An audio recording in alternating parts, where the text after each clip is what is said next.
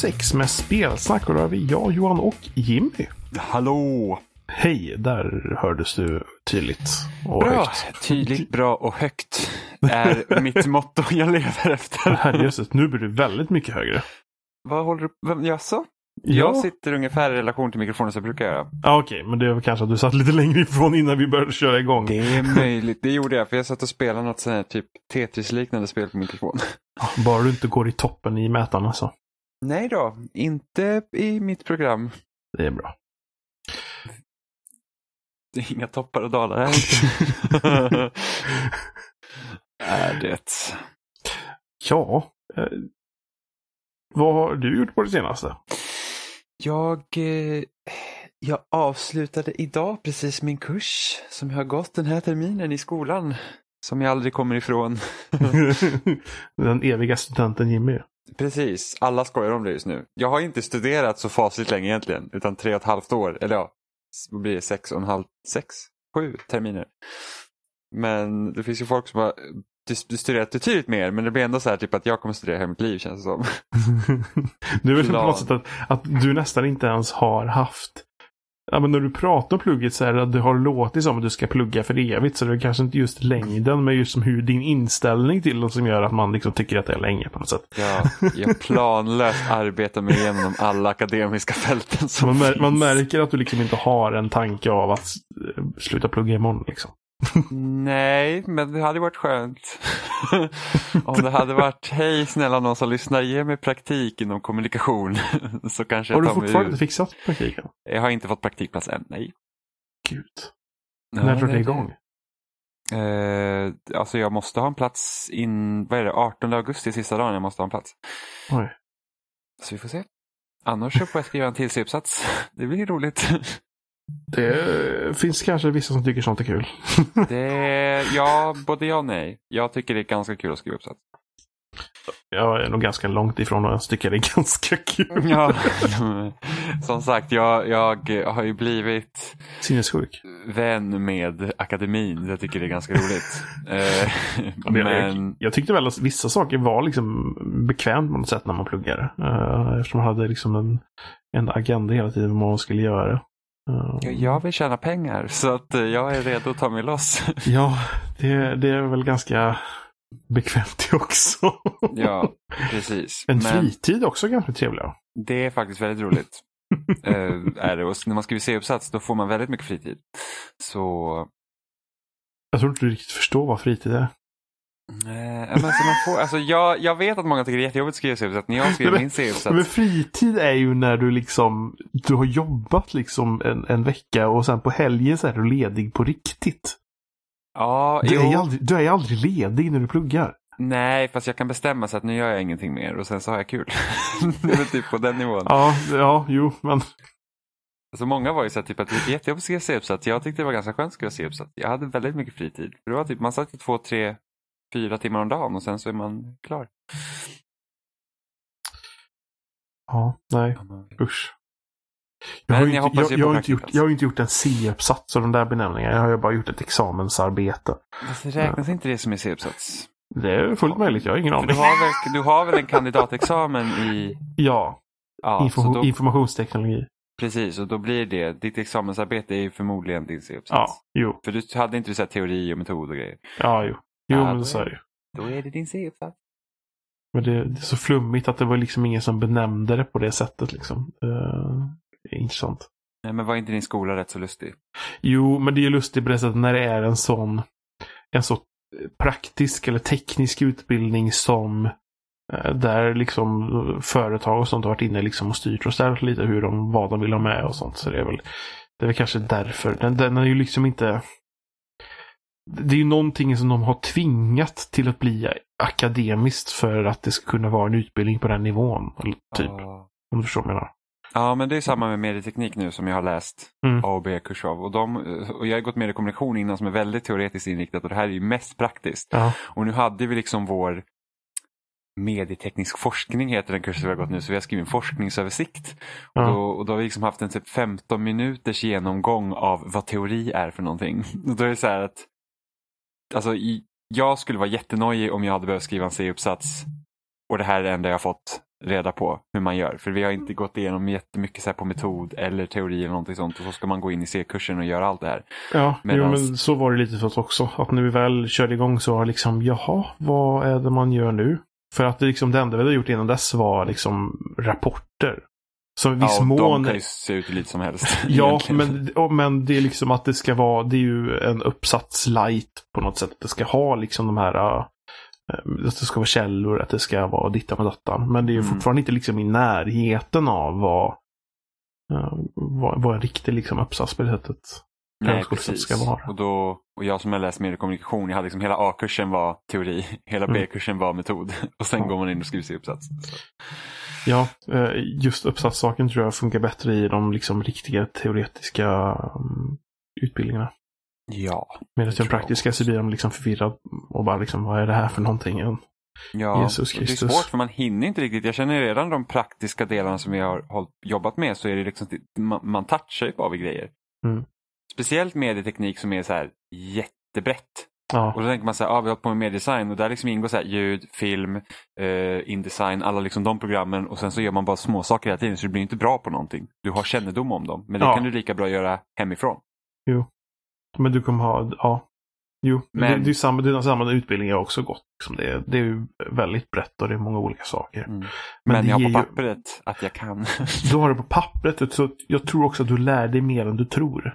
ja, Man- man- jo, absolut. Man tror hela tiden att men vadå, jag är liksom självlärd, jag kan ju jättemycket och så eh, går man en sån utbildning liksom så. Jag tror man glömmer bort lite att det är saker som man har lärt sig. Och man har ju, eh, som utbildning jag har gått, att jag har liksom blivit bra på något sätt att leta upp information. Eller att, och att uh, sålla information och att liksom, att man har lärt sig metoder på något sätt. Uh, så även fast man kanske inte kan specifika saker så har man liksom en sån grund. eh, så man kan komma på saker igen ganska fort. Ja, och det akademiska arbetssättet är ju väldigt användbart att ha med sig. Mm. Men jag antar att både du och jag har spelat spel. Ja, det har, det, det har vi gjort. I vanlig ordning. vad, vad har du spelat för någonting? För jag, jag har spelat, alltså det har varit lite så här mycket, alltså det som varit skönt med det här året överlag, eftersom jag har haft mycket mindre tid rent generellt så här, det är att det har inte kommit så mycket jättemycket spel i år, känner jag, som jag har liksom varit så här, åh det här måste jag spela och det här måste jag spela. Nej, det har väl varit lugnare va? Det har varit väldigt mycket lugnare känner jag, vilket liksom är ganska normalt med tanke på att nästa generation står liksom... För- Jag, jag märker ju på det sättet att jag har inte haft pressen på mig själv att köpa så mycket spel. Ja, Jag har köpt väldigt lite spel i år. Jag brukar ju Alltså- sällan söpa spel, söpa spel, köpa spel överhuvudtaget. Nej, jag, jag brukar köpa väldigt mycket spel och jag känner att alltså, utöver de spelen som jag har recenserat så har inte jag köpt så mycket spel. Jag tror senaste spelet jag liksom Somliga köpte... har alltså ju senast- lyxigt. Ja, precis. Somliga har ju väldigt... eh, jag tror senaste storspelet jag köpte, alltså då som kostar 600 spänn, är Sekiro. Senaste för mig måste väl nästan vara Red Dead Redemption tror jag. Oj! Det är ju, det är ju jättelångt bak. Ja, men ja. Sp- eller Battlefield 5 kanske kom efter det. Ja, det gjorde den.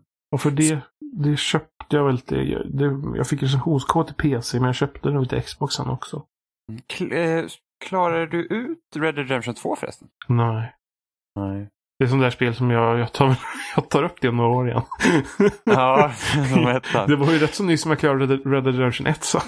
Ja, alltså jag skulle vilja hoppa liksom in i online men det är bara det att så segt som kampanjen var, liksom i sättet du styr och så, vilket jag gillade i kampanjen, det, jag tycker inte det förs över bra i multiplayer. Nej, och jag har hört att det är liksom en extrem grindfest. Alltså du får så lite. Ja, Eh, och nu jag har, körde kanske en timme bara och jag var så här, det här, och jag jag orkar förstår inte. så har de gjort det ännu värre. Gradvis. Det var, Ja. samma, det var samma med, med, GTA Online. De gjorde det också att du tjänade mindre och mindre pengar. Mm. Antagligen för att de vill att du ska köpa mer och mer pengar istället med, med riktiga Ja. pengar. Ja, Det är deras grej helt enkelt. Är, Väldigt tråkigt. ja. Men jag har, jag har spelat lite så här mindre spel som kom nu i veckan faktiskt. Så det, det första spelet jag spelade heter Gato Robo. Eller Roboto. Gato Roboto. Ah, jag vet inte. Det är på Switch i alla fall. Okay. Eh, så det är typ ett Metroidvania. Ser ut typ som ett Gameboy-spel i princip. Det är liksom svart och vitt. Eh, väldigt så här simpelt. Och du spelar som en... Ja, det ser ut som ett Gameboy-spel verkligen. Ja, så att man har typ det har hänt någonting, så det är typ en sån här rymdstation som har typ gått under eller någonting sånt och du, ehm, och du kraschar med, alltså ja, en, en gubbe kraschar liksom i, på den här rymdstationen och den enda som kan röra sig från skeppet då är den här karaktärens katt som man spelar som katten. Så att, så att man hittar liksom en, en dräkt så, så det ser ut som Samus Various-suit. Eh, och sen så springer man runt på banan och så hittar man liksom olika uppgraderingar och sånt för att ta sig vidare. Och det, jag har väl spelat kanske i två timmar eller någonting och det ska typ vara tre, fyra timmar bara. Så det är väldigt så här typ Metroidvania light i princip. Att du tar liksom det konceptet men det är inte Ja. sån extrem upplevelse. Eller så, inte så långt och så. Ja, och det tycker jag ändå är ganska skönt hur man liksom kan ta för att de här spelen brukar ofta vara skitlånga och, och många spel är ju på tok för långa överhuvudtaget. Alltså man, Ja. man liksom hinner ju tröttna in, innan, innan det är slut. Och, och, och då tänker man så här typ att ja, vissa genrer så är det liksom ganska fördelaktigt. Man tänker typ ett JRPG och med tanke på hur många typ sådana här twist and turns det tar i sådana spel så de, det kräver att de kanske är lite längre så att man liksom hinner ja, arbeta sig igenom så här, Mm. karaktärerna och vad som händer och det är en stor värld som ska liksom utforskas och så. Men samtidigt så typ Chrono Trigger är typ 20 timmar. Vilket är ganska kort för ett JRPG av den magnituden men då är det också kondenserat. Det är inte massa fluff. Många spel liksom bara så okej men nu har det typ tagit slut tre gånger här, när är det faktiskt slut? Eh, och det tycker jag är så intressant med liksom just det här spelet är ju så att det är ett Metroidvania men det är ett kort sådant och det känns inte som att åh nej nu är det slut. Jag har varit liksom, varje område är ju liksom så att ah, men här har du de här målen du ska göra här. Eh, och då Vilket är, lite, kul, vilket är lite kul att det ser ut som ett Gameboy-spel. För det är lite det man förväntar sig om ett Gameboy-spel. Att det är liksom på något sätt förenklat. eh, till någon mån liksom. Ja, fast samtidigt så tänker man typ Metroid 2 kom ju till Gameboy. Eh, Och det var ju ändå rätt så långt. I alla fall Jo. remaken som de gjorde var ju typ kanske en... Men det var väldigt simplifierat. eh, Ah, det, absolut, så stämmer. Men det, det är ganska skönt liksom att känna att man ska kunna spela ett spel som inte tar en evighet att spela. För jag spelar, det, det här eh, Bloodstained eh, Ritual of the Night ska ju komma nu i slutet av juni tror jag. Är det det som är Eh. gjort av Castlevania-skaparna? Precis, han Igarashi, eller vad han heter. Ja, just det. Eh, och då spelade jag det här Curse of the Moon som kom förra sommaren. Som var typ så här inspirerat av Castlevania 2-ish. Som man spelade Mm. några banor och det var också typ bara fyra timmar långt. Det är så här ashärligt och man kan liksom ta sig igenom spel som är så långa. Det, det, det är en av de största anledningarna till att jag inte köpte eh, det här Days Gone som kom.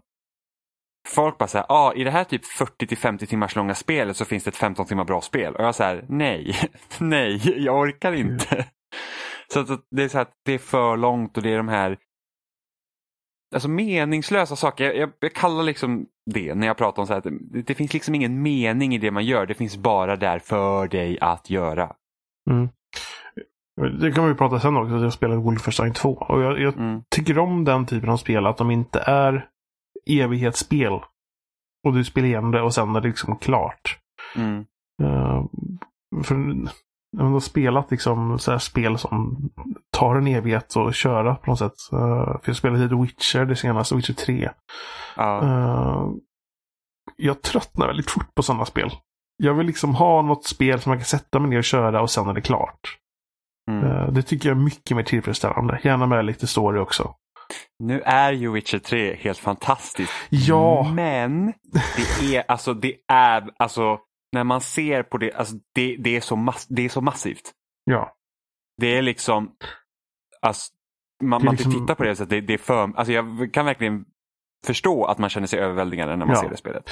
För, och det är liksom så här saker i spelet som jag liksom inte förstått än. Liksom så här, att jag liksom kommer till ställen så nu har jag liksom inget, jag har ingenting som jag kan hela mig med. Och så får man hålla på och meditera hela tiden. Och så träffar man på någon sorts boss och så är det liksom kört. Det är liksom omöjligt att klara den. Och så är det bara jobbigt. Mm.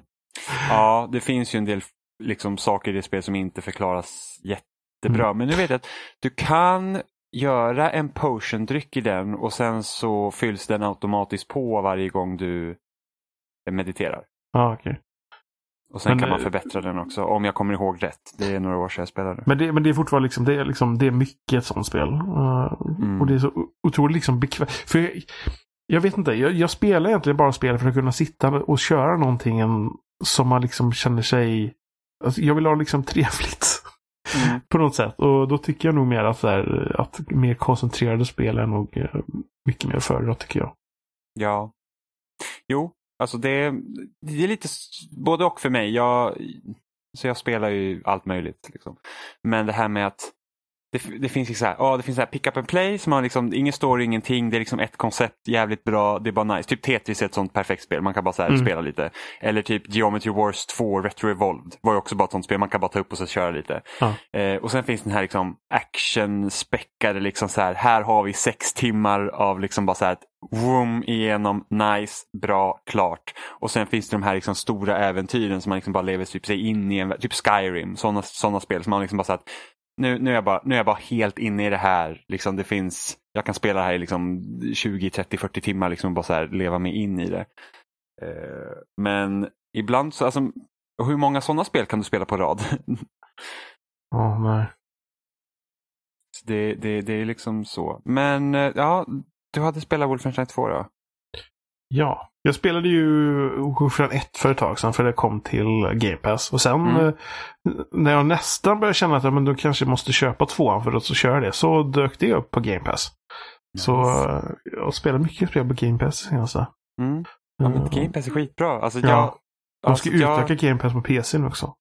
Ja, jag såg det. det. Och jag skulle ju nästan gissa på att de kommer på något sätt fixa så att typ 360-spel går in på PC snart också. Jag förstår dock, jag, jag är dock rädd för att de ska ta ut en extra slant för PC-grejen. Tror du det? Ja, för att det står inte formulerat någonstans. Jag läste så här, liksom pressmail som vi fick till Spelsnack. Ja. Och jag fattar liksom inte. Att det, liksom, det formuleras inte klart och tydligt någonstans att har du Xbox, har du liksom Xbox på ditt Xbox så har du det redan. Det stod liksom ingenstans. Fast jag skulle, nästa, jag, skulle inte, jag skulle inte tro att de liksom sätter Game Pass på PC under en, en annan. Liksom, för du, har du... nej, och de ska fortfarande kalla det Xbox Game Pass på PC också. Men jag vet inte, det I- var, det var luddigt i alla fall. Det var luddigt Ja. på det sättet så jag blev orolig. Om du jag Det, menar. ja, men det är kanske att de inte själva riktigt är klara för sig hur det ska funka. Och så kan det vara. Nej, så jag fick ladda ner det i- och kört klart det i helgen. Mm. Ja, du blir klar med det också? Ja, Mm. så det, det är jag klar med. Det var, det, det var trevligt. Jag, det var liksom så här, det var liksom som man kom till ett, en del av spelet. Jag, vet- nu kan man väl spoila iväg på det här spelet för jag har faktiskt varit ute ett bra tag. Ja. Eh, för man kommer till, till delen i spelet där han dör i princip. där ja, han, precis. där han precis. tappar sin. Där känner jag liksom, jaha, ja nu är spelet slut. Ja. och sen så blir det liksom så här en otroligt så här galen twist. Nej men de, de hugger hans huvud och sätter det på, eh, på en så här, en, en eh, någon kropp som någon, de ska göra för att göra, skapa någon Uber-tysk eller någonting egentligen. Mm. Uh, Evelina satt ju och spelade med. Ja, men de, nu kommer de göra sån där katten. Jag bara liksom, ja jävlar ja. För det var alltså en katt. Så de avslöjar egentligen hela twitplotten tidigt i spelet genom att ha någon sorts vad var det, katt och apa som man kombinerade när Mm. galna professorn. Ehm, ja, ehm, men jag det... Så där trodde jag att spelet var slut och jag var liksom okej med det. Och sen fortsätter spelet och börjar introducera nya saker i spelet. Man får ju välja typ en uppgradering och grejer. ja, precis. Eh, och det tyckte jag var lite meningslöst för att jag fattade inte riktigt vad meningen var. Nej, alltså, Eh, nej. Alltså, man striderna som så tycker jag väl är sämre i tvåan än vad de är i ettan. Och just för att det liksom kommer sådana element som det spelar ingen riktig roll. Jag hade den där så att jag kunde typ gömma mig under eh, grejer. Eller något ja, man sög ihop sig. Ja, precis. Och Ja. så här, fick ju aldrig någon riktig användning för det egentligen. Nej, Liksom, det var ju verkligen bara att du kommer till ett ställe i en bana. Eh, här måste du komma vidare, men du måste hitta hur du kommer vidare. Och antingen Mm. var det ett litet hål någonstans där du kunde suga in dig i, eller så var det en vägg du skulle slå dig igenom, eller så var det ja, någonstans eller du så skulle kunde du höja upp gå- det med de här... ja, gå med styltorna. Ja, precis. Och du kan ju hitta alla uppgraderingar. Du kan, du kan använda alla. Alltså, Okej. De finns på gömda på banorna. Så det var ja, typ ja. Så att ja, det, det är liksom för att ett, ettan där kunde du liksom stälta dig igenom helt och hållet. Det var liksom ett väldigt bra ställspel på det sättet. De liksom tonade ner det i tvåan. Men jag vet inte, för att en av de saker som jag tyckte om i ettan var när man hade basen som var nästan som en liten hubbvärld mellan uppdragen. Mm. Men det var ju en väldigt liten del av spelet det faktiskt var så. Ja. Medan här i tvåan så har de verkligen kört hårt på det att man har den här gigantiska ubåten som hubbvärld. Uh, och ändå lyckades de inte göra, alltså de tappade lite det här med karaktärerna i tvåan. För att ettan var ju väldigt drivet liksom hur Blaskovic känner och hans relation mm. till hon, vad heter hon, Anja? Ja, och där känner jag väl att den första delen av spelet var bäst när han eh, är ständigt döende och liksom ja. pratar med sig själv och hela den här liksom reflektionen som man har. Uh, där kände jag väl att det var liksom bäst storyväg så. Men jag tyckte nog om den senare delen spelmässigt. Uh, alltså när man liksom strider och sånt. Uh, mm, tyckte ja. jag i alla fall. Ja, jag kände att spelet tappade efter att man blir, tappar huvudet. Alltså jag kände verkligen att där, för att med tanke på hur spelet liksom har hur det hanterar honom som karaktär i den första ja. delen. Liksom att okay, han har typ dött, man liksom helt, alltså, ens kropp är trasig. Liksom, ja. Både fysiskt och psykiskt tänkte jag så här, och när han förlorar huvudet då tänkte jag så här, okej, okay, det där kommer bli en jättestor grej nu för hur fan hanterar man på en sån person är att man egentligen, alltså man, det enda som existerar av ens själv är huvudet liksom helt plötsligt. Liksom, ja. Jag tänkte att det måste ju påverka honom jättemycket och spelet bara droppar det. Ja, det, är liksom, det är bara normalt. Och, och, karaktären reflekterar inte över det. Och det, var så här, det, det, det tyckte jag var så jättekonstig liksom, tonalitetsskifte i hans karaktär. För jag känner att han borde verkligen vara så att okej, okay, vad, vad, är jag nu? Alltså, de frågorna borde komma. Ja, det var väldigt intressant också hela den grejen med att han är på väg att liksom gå sönder. Att han är på väg att dö. Mm. Men det var som att de introducerade den saken och bara liksom Ja, fast vi kan ju inte göra det här så vi får ju vända på det här. Ja, men det var, liksom, det var som, det löste alla hans problem att få en ny kropp. Ja. Det var liksom så att då, det finns inga problem längre och det var så att men det är nu det blir ännu intressantare. För liksom, vad, vad är ens det egna jaget här? Liksom på den nivån. För att, ja, det, för att jag tyckte att början av spelet är en så himla bra fortsättning på hur ettan slutade. Jag trodde redan han dog i ettan. För att jag vet att han, han offrar ju typ sig själv där. Mm. Och, och, jag kommer ihåg att det, det, finns en line i spelet som är så jävla bra. Liksom, han han liksom reflekterar över sin relation med Anja. Det är så att okej, okay, men alltså världen förtjänar en bättre framtid. Men det är ingen framtid som finns för dig och mig. Och det liksom går ju liksom att det de har varit med om i liksom med eh, den här ockupationen som nazisterna liksom har över liksom hela världen är liksom så att vi är för trasiga så att liksom den lyckliga liksom slutet som finns på den här berättelsen det är ingenting för dig och mig för att vi, vi är liksom redan trasiga. Och det bygger tvåan på i början, liksom hans trasiga ja. kropp, hur han liksom hanterar det själv och sen så borde det vara en ytterligare utveckling här när liksom han förlorar då huvudet och det, bara, det, det kommer aldrig. Vilket, mm. vilket de kanske kommer ta tag i liksom i trean eller hur det här nya den här spin-off eh, grejen som kommer nu i sommar med hans döttrar men, men, men samtidigt så här, det är rätt så kul när man ser då den trailern på eh, och Youngblood heter det, Wolfenstein ja. Youngblood. För de hade ju ett mellanspel tidigare som heter Old Blood väl? Precis, och det har inte jag spelat. Nej, eh, men det här liksom att det jag gillar med Wolfenstein-spelen är just det hur jäkla jordnära det är i sin absurditet och de lyckas faktiskt med det så himla bra. Och sen så tittar man på trailern för spelet och det är bara så här att jag är alltid orolig. Det är så bara, Förstår ni varför det var så speciellt? Liksom så här, jag tittar på det här Youngblood-trailern och det är, liksom bara, det är bara fullt ös och de typ så här, det liknar mer typ Bulletstorm än det Wolfenstein jag gillar. Så att, ja, få jo, se. Men, men det är ju återigen, det är liksom de här mellanspelen. För de, jag vet inte, mm. jag, jag, jag har inte känt mig sugen på Old Blood för att det, det verkar inte vara så jätteintressant. Uh, och jag tror väl att jag kommer inte spela något annat förrän det sista spelet kommer. Mm. Ja, jag, är faktiskt sugen på co-op-aspekten i Youngblood. så det är typ ja, det. Jo. Och sen så är det så här, hans tvillingdöttrar fucking mörsar ner nazister. Det, ja, det, det, är liksom tillfredsställande i sig, sig självt men jag hoppas ju också liksom att det här det som gör Wolfenstein-spelen bra är, skulle jag säga är inte actionen. Det är liksom att undersöka de karaktärerna som lever i den här världen. Faktiskt. Ja. Eh, jag, jag, jag tycker fortfarande om den andra hälften, även fast den inte var liksom lika bra. Eh, Mm. Just med storyn kanske.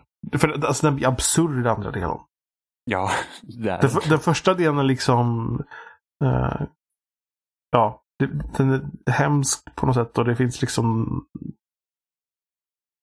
Det finns liksom historia där med liksom hur han, han går sönder. mm. Eh, och hur han...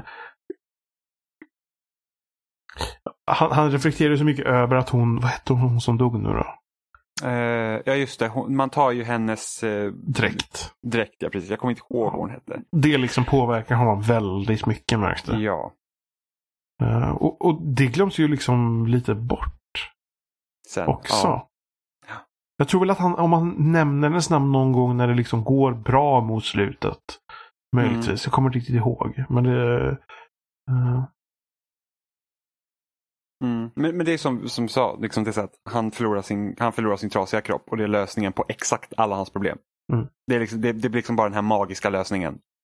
Eh, vilket känns som att det är lite så att man förråder karaktären lite med tanke på att den del, den händelsen borde vara så pass viktig och det borde påverka karaktären, om, inte om man, bara positivt. liksom, han mår jättedåligt psykiskt innan. Ja, Och eh, allt är liksom så här åt helvete och... Fan, en, en ny kropp hade ju inte hjälpt det. nej nej nej och det borde ju Men- vara, alltså det borde, ja. det borde ju Ja. bara påverka så här psyket, en, alltså det borde vara så att det här är inte jag. Det borde vara ganska stort fokus känner jag. Men jag tror ju också att de fick kanske slut på tid. För det känns som att slutet på det spelet känns lite så här ihopstressat för att det slutar ju också, alltså det känns inte, känns inte som att spelet slutar slutar. Nej, men på samma gång, alltså det har verkligen den här typiska mellanfilmskänslan. Precis, det finns Mm. liksom, den, den här delen hör ihop med den sista alldeles för hårt medan det första spelet är liksom en det, det är en, liksom en, en, en komplett upplevelse. Det kan Det var- fortsätta men det behöver inte göra. Det var dock tillfredsställande att se när han körde in yxan i hennes ansikte och vred till så att hennes öga ploppade ut. Ja. så kan man också framea det. ja. Man blir så otroligt frustrerad på den jävla kärringen alltså. ja. Men jag är otroligt glad att ett spel som Wolfenstein, liksom, alltså ett spel som jag dömde ut på förhand, kommer jag ihåg. Jag spelade liksom inte ettan när det kom. Nej. Jag spelade det långt senare för att jag sa nej men det där, alltså så här på känn, det där är inte bra. Samma sak, samma tänkte jag om Doom. Det var så här att nej, det där är förmodligen inte liksom, Ja, För de Bra. kom ju med ett, en reboot av Wolfenstein några år tidigare, kommer jag ihåg. Ja till 360 va? Ja, och, och, det, och många liksom påpekar att det här är någonting på vägen. Det, är liksom, det, det skulle gå att göra någonting. Men det var Eh, inte detta. Machine Games som ut, utvecklade Nej. det Wolfenstein. Det Var var det, väl inte, var va? det id? Jag kommer inte ihåg. Nej, det var någon annan studio som gjorde det. Ah, Okej. Mm. Ehm, så... Så... Det- för det kommer jag ihåg att liksom folk påpekade att det var, det var liksom någonting en, på gång liksom. Ehm, Ja, för Bethesda har ju liksom blivit en av mina så här, favoritutgivare för att alla deras spel är i första person i princip. Som de ger ut.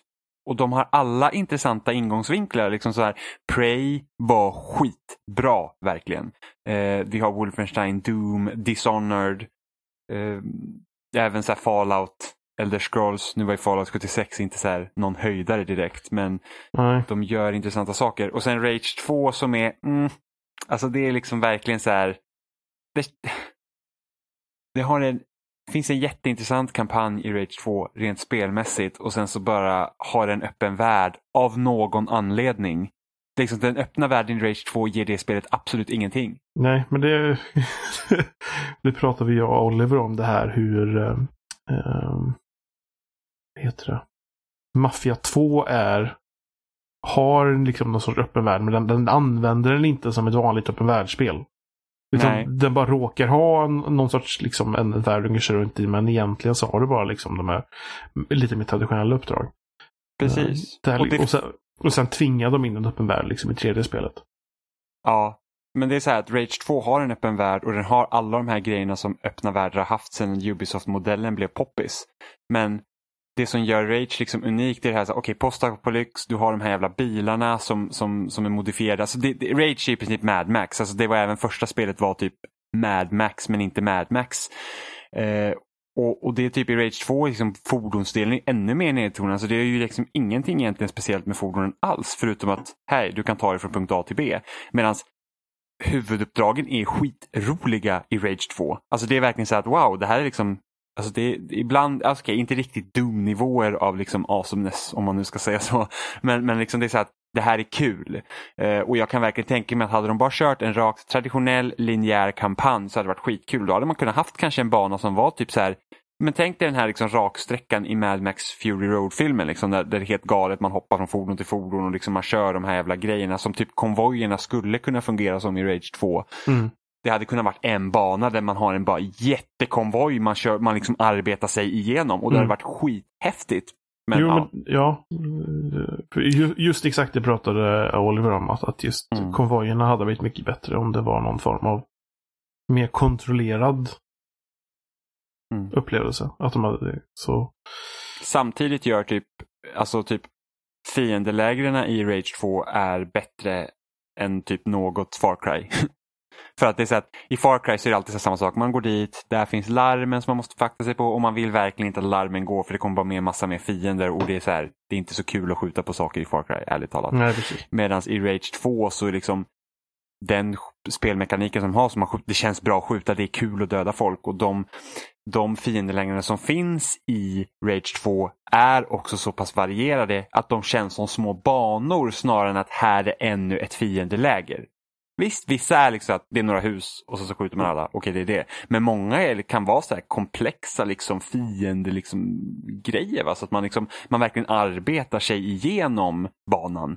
Eller fiendeläget. Och det är liksom, du går in här, du måste arbeta dig fram, för du måste döda alla i fiendeläget. Mm. Så man arbetar hit och så måste du arbeta dig igenom den här lägret då, som känns som en bana. Så det är typ så här att det är inte som att när man spelar Super Mario att man så bara, åh nej, här är en till bana som man måste hoppa sig igenom fiender och hoppa på plattformar. Ungefär så känns det liksom i, i Rage 2 när man kommer till fiendeläger. Här är en till bana att skjuta massa fiender på. Så, så det är bra gjort va. Så att, men samtidigt så den öppna världen ger inte spelet någonting. Jag, det snarare tynger det hela. Alltid. Sen eh, om man bara tar sig tillbaka till Wolfenstein lite. Um, just tekniskt, för jag spelar ju på original Xbox One då. Eller, eller mm. Xbox One S är det ju, men det är inte X då. Nej, det är inte X. Men det håller sig 60 FPS nästan hela spelet. Ja, men det är nice. Och det, det ser otroligt bra ut. Det ser mycket bättre ut än vad Wolfenstein eh, första var. Eh, men som jag förstår det som så har det här en version senare av eh, id-tech-motorn. Det här är väl, så det här är ju samma som Doom. Mm. Mm. Vilket också jag kommer ihåg märk kändes eh, i vapenhanteringen. att den ja. kändes var mycket mer lik Doom än vad Ja, precis. Uh, och jag tänker var. även när man var på, vad är det, vilken, vad är det Neptunus man åker till? Kanske.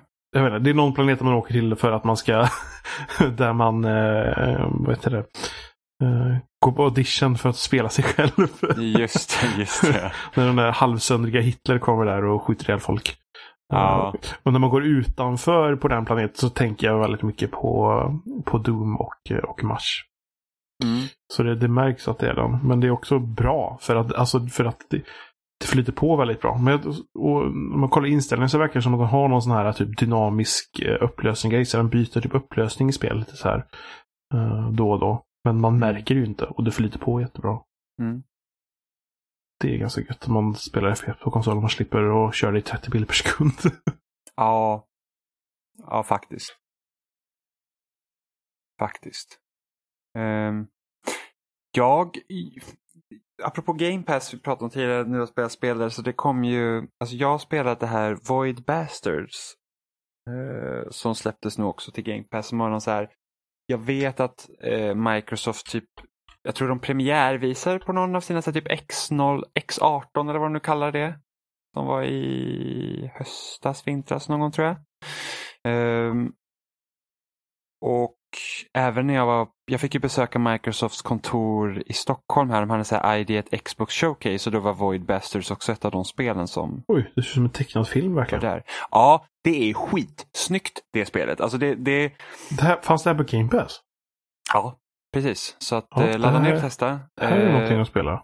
Och sen ska det komma, sen vet jag att ett annat spel som heter Outer Wilds också som släpptes på Game Pass som jag ska spela för det har fått väldigt bra kritik. Eh, apropå ingenting. Eh, men det här är ju, alltså det är typ den här FTL-modellen, alltså det är typ ett roguelike i att du ska liksom säga att ah, du, ehm, jag vet faktiskt inte riktigt vad målet i spelet Man ska typ fly från det stället man är på. Man är en fånge, eller man spelar som olika fångar då, så för något företag. Men är jag är så- lite oklar med Det är det storyn. som är. har ett liv bara då? Eller Precis, vilken- dör du så alla uppgraderingar och sånt du har liksom lyckats göra i spelet, de Ja. är kvar. Men du får spela som då en ny fånge som skickas iväg då för att lösa det här problemet. Okej, men då teoretiskt sett så skulle det kunna bli liksom enklare och enklare att ta sig tillbaka där man var. Ja men typ för att du får ju liksom, du har bättre vapen som kan hantera liksom bättre grejer. Du, Ja. du har liksom skydd och sånt som, som, som gör att du tål mer och sådana grejer. Så Det, att, det låter ju lite bättre att man blir helt nollställd i alla fall. nej precis, och jag, och jag har ju sett, alltså jag gillar idén med roguelikes men jag tycker verkligen inte om att börja om från början hela tiden. Alltså det är typ som Dead Cells är också så att du får ju spara Mm. en uppgradering som du kan köpa. Eh, och varje fånge som du spelar har liksom olika traits som Rogue Legacy. Det är så typ att min första karaktär han bara så, ah, han har konstant hosta. så, att, så att han liksom så här hostar och då fienderna bara, åh vad var det? Och så kommer de springa efter. Det påverkar inte jättemycket har jag märkt. För att jag har ju dött x antal gånger liksom. Så att jag, jag är så här att, okej, jag märker ingen större skillnad från gång till gång. Inte som Rogue Legacy, där kunde skillnaderna verkligen vara jättestora. Var det, var det Eh. inte Rogue Legacy man typ man, man var sitt barnbarn eller Ja, det- så precis. att- Det var liksom ättlingar hela tiden. Ja, så det tills- blir värre och värre hela tiden också. Som att det var Ja, någon sorts incest. Ja, det, det var liksom, man fick typ välja så olika, så vilken karaktär vill du vara nu? Så kunde man välja. Ja, Men det. det, det får man inte göra nu. Nej. Välja, utan man, man är bara en ny fånge. Och sen så har man ju alltid olika mål, som till exempel första målet är så ja, du behöver ett ID-kort. Och då är liksom det målet att, att hämta det och sen när du har hämtat det då kommer liksom nästa grej. Så det nollställs ju inte heller. Så du har ju liksom progression i spelet också, bara att startpunkten är samma när du dör sen. Ja, i och för sig. Nu när jag hittar det här ID-kortet då så kommer jag liksom till då nästa del i spelet. Så det kan väl nästan liknas som Spelunky. Att man eh, Ja men alltså du kan ju liksom så här shortcuts om man säger så. Mm. Eh, och skillnaden liksom här om man tänker typ FTL eller typ det här Omega The Alliance som jag också spelat tidigare år. Det här med att man liksom så här tar sig igenom liksom en karta så att säga är att när du kommer till ett rymdskepp här, det, det är liksom där du hittar resurser och sånt, så går du faktiskt in i rymdskeppet och så, så spelar du i första person som en shooter. Liksom. Eh, och så, så får man gå igenom skeppet och liksom leta efter grejer som att typ att i motorrummet brukar det oftast finnas fuel. Eh, du går till styrrummet för att kunna få information om skeppet så du vet vilka resurser som finns var. Så ett hopp är liksom tar en fuel. Eh, du använder mat för att eh, få mer hälsa. Det går också åt mat när du hoppar vid de här grejerna. Så det är också något man konstant måste hitta. Och sen då letar man efter uppgraderingar för att kunna göra nya vapen som är bättre mot vissa fiender och sådär. Och så letar man också efter ammo och sånt. Och sen så kan man bygga resurser för att kunna uppgradera saker och kunna uh, ta fram nya vapen och sådana grejer. Så det är väldigt roligt och det här är ett väldigt bra så här, pick up and play-spel. har jag märkt nu. Man kan spela liksom en timme. Och sen så kör man lite och sen så kan man pausa och så kan man gå och göra något annat. Eh, så att, när jag testade på ett Xbox, då, jag vet inte vad de hade för inställningar på det spelet men allt kändes väldigt sluggish. Jag, var så här, jag hade svårt att sikta, jag hade svårt att, uh, ja men du vet, det är så här, jag får inte in skotten som de är. Det, det här spelet känns svårare än vad det borde vara. Och jag kommer ihåg jag skrev det i den texten, att ja men det är kanske något som är fixat till uh, release då, för att just nu känns det inte jättebra att skjuta. Men nu när jag spelade på Xbox One här, alltså hemma, liksom, jag, så bara, jag förstår inte vad problemet var på den maskinen som jag spelar på. För att det här flyter på väldigt bra. Och då spelar man ju på, som jag kommer ihåg, det var det Xbox One X. Som de hade. Det kanske var en gammal version eller? Jag, jag kan varit gammal version. Eller att de fuckat upp också, Xbox-kontrollernas inställningar så Ja. allt var typ för låg sens eller något. ja, det är någonting sånt och det är liksom, det var typ det fanns den här, en, eh, det här Crytek-spel, där Hunt the Showdown fanns ju också på eh, golvet. Alltså jag, Nej, jag, sitter, jag sitter och kollar på lite gameplay om spelet. Jag är nästan fascinerad hur snyggt det är. Det är, alltså det är skitsnyggt. Alltså, Det ser verkligen ut som en tecknad film. Jag vet, det, det är verkligen jätte, jättesnyggt. Liksom, så att, det, det, gör det också så här kul att spela. Jag, det är nästan så att jag hade hoppats på att de hade kanske inte gjort ett roguelike spel att de hade kanske gjort typ någon form av så här, ja men kanske mini kampanj som ser ut så här som man liksom bara får så här, veta lite mer om världen. För att så här, de olika fienderna är rätt så intressant också. Det är inte det vanliga shootersnubbar. Det är liksom, det är lite weird. För att de som har utvecklat Void Bastards, det är sådana som har liksom arbetat på typ Bioshock, System Shock, Ja, det märks den- ju. Så att det har liksom den grejen också, här, typ att den här immersive sim-grejen, typ Deus Ex, eh, Dishonored kan man räkna in det, Thief, liksom det här med att De okej, får, det, de, får ju, de får ju ta de här assetsna och göra något annat med det. Mm, Ja, men jag känner det. Men de har gjort jätte, alltså de har, de har lånat från väldigt många olika spel och satt samman det det, det liksom Ja. har gjort det väldigt bra. Jag har inte spelat tillräckligt mycket för att känna så att oh wow, det är amazing, men det jag har spelat hittills är faktiskt väldigt, väldigt roligt. Alltså det är roligare än vad jag trodde. Ja. Att jag jag känner, jag känner, eftersom jag har Game Pass så känner jag att jag vill testa det i alla fall. Ja, men absolut, har man Game Pass det finns liksom ingen anledning att inte Nej. testa det. Om du Nej, inte men- hatar roguelikes. det, Liksom. är det, som, det är det som är så härligt med Game Pass. Ja, jag känner att det är typ livsfarligt med Game Pass. Att man, så här, typ, Jo, men Alltså, det, blir jag- lite, det blir lite den här saken med, tror jag vi pratade om tidigare, att, att den här saken när du laddar ner ROMs på typ DS eller någonting sådär. Att det, Ja. det, blir, det går till absurdum, du har för mycket att spela. Ja, Uh, men jag jag hade ju ju faktiskt, senaste, gången, jag- senaste tiden har jag faktiskt fått liksom, spelat igenom spel som Wolfenstein och Wolfenstein 2 och så. Ja, Um, och för mig blir det ju värre så här typ att väldigt mycket gamla spel på Game Pass som är att ja, men det där känner jag inte för att spela nu och sådär och just för att man, jag, jag håller mig gärna uppdaterad i det som släpps just nu. Men Ja. så här, nu när det börjar komma spel som släpps samma dag på Game Pass då är det ju väldigt så här att, alltså ja, Ja, jag kunde ha typ slängt ut 600 spänn på att köpa de här tre spelen jag ville spela nu. Men det finns på Game Pass så att ja, jag kan ju ladda ner. och, all, och alla Liksom. Microsofts nya liksom, huvudspel ska ju komma dit så. Jo, men typ så här Gears 5 och sådana grejer, det tror jag nog att jag kommer vilja köpa så att man Jo, har det. Men, Eh, men om man inte så kände behovet att köpa så. Nej, och jag hade ju faktiskt tänkt att avsluta min prenumeration på Game Pass. För att jag har sagt, okej men nu har jag betalat för det här typ ett halvår. Och jag, jag har faktiskt inte spelat något från Game Pass. Och sen bara så här, men de här två spelen kommer nu och jag så här, well fuck me då. Då får jag ju betala en månad till då. Så att, ja. Det är ganska skönt att ha. Sen så finns det ju det här spel jag skulle vilja spela, typ Fable, Anniversary. Första spelet hade jag gärna velat spela och det finns på Game Pass. Ja, just det. Och det är jag velat liksom, alltså en jag Fable. specialversion som ska till Xbox 3-systemet. eller vad? Ja, precis. Det släpptes tror sista året. Alltså samma år som... Antingen var det samma år eller året innan som Xbox One kom ut så kom Mm. Fable Anniversary. Det be- blev bara att jag inte köpte det. Jag har kört igång det och det är lite, lite sluggish. Men det är nog Ja. trevligare att spela det än den originalversionen. Ja, och sen tycker jag att Fable 1 är det bästa Fable. Jag vet att många håller Fable 2 ganska högt, men jag gillade verkligen systemet som fanns i Jag Fable har, 1. jag har bara spelat Fable 1 faktiskt. Spelade en Mm. massa på original Xbox. Hos en kompis. Ja. Fable 3 hade rätt så roliga idéer det här med att man liksom skulle ta hand om stad och sen skulle man bli typ någon så här ta olika beslut liksom som var den senare delen av spelet men det var så underutvecklat att det var liksom så här, jaha, det, det var inte så här jätteroligt. Eh, Så Fable 3 tror jag är det jag tycker minst om.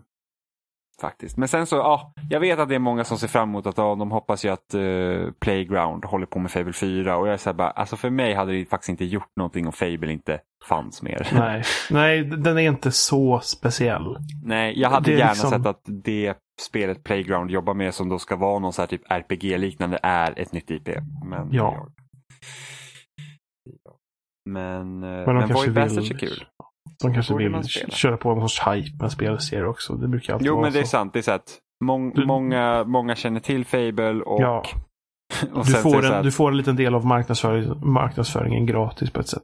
Kanske. Jo, fast jag tror att i det här skedet så tror jag att ett nytt IP från Microsoft som ser påkostat ut hade skapat mer hype än ett Fable 4. Men det är bara vad jag tror. så att, eh, ja.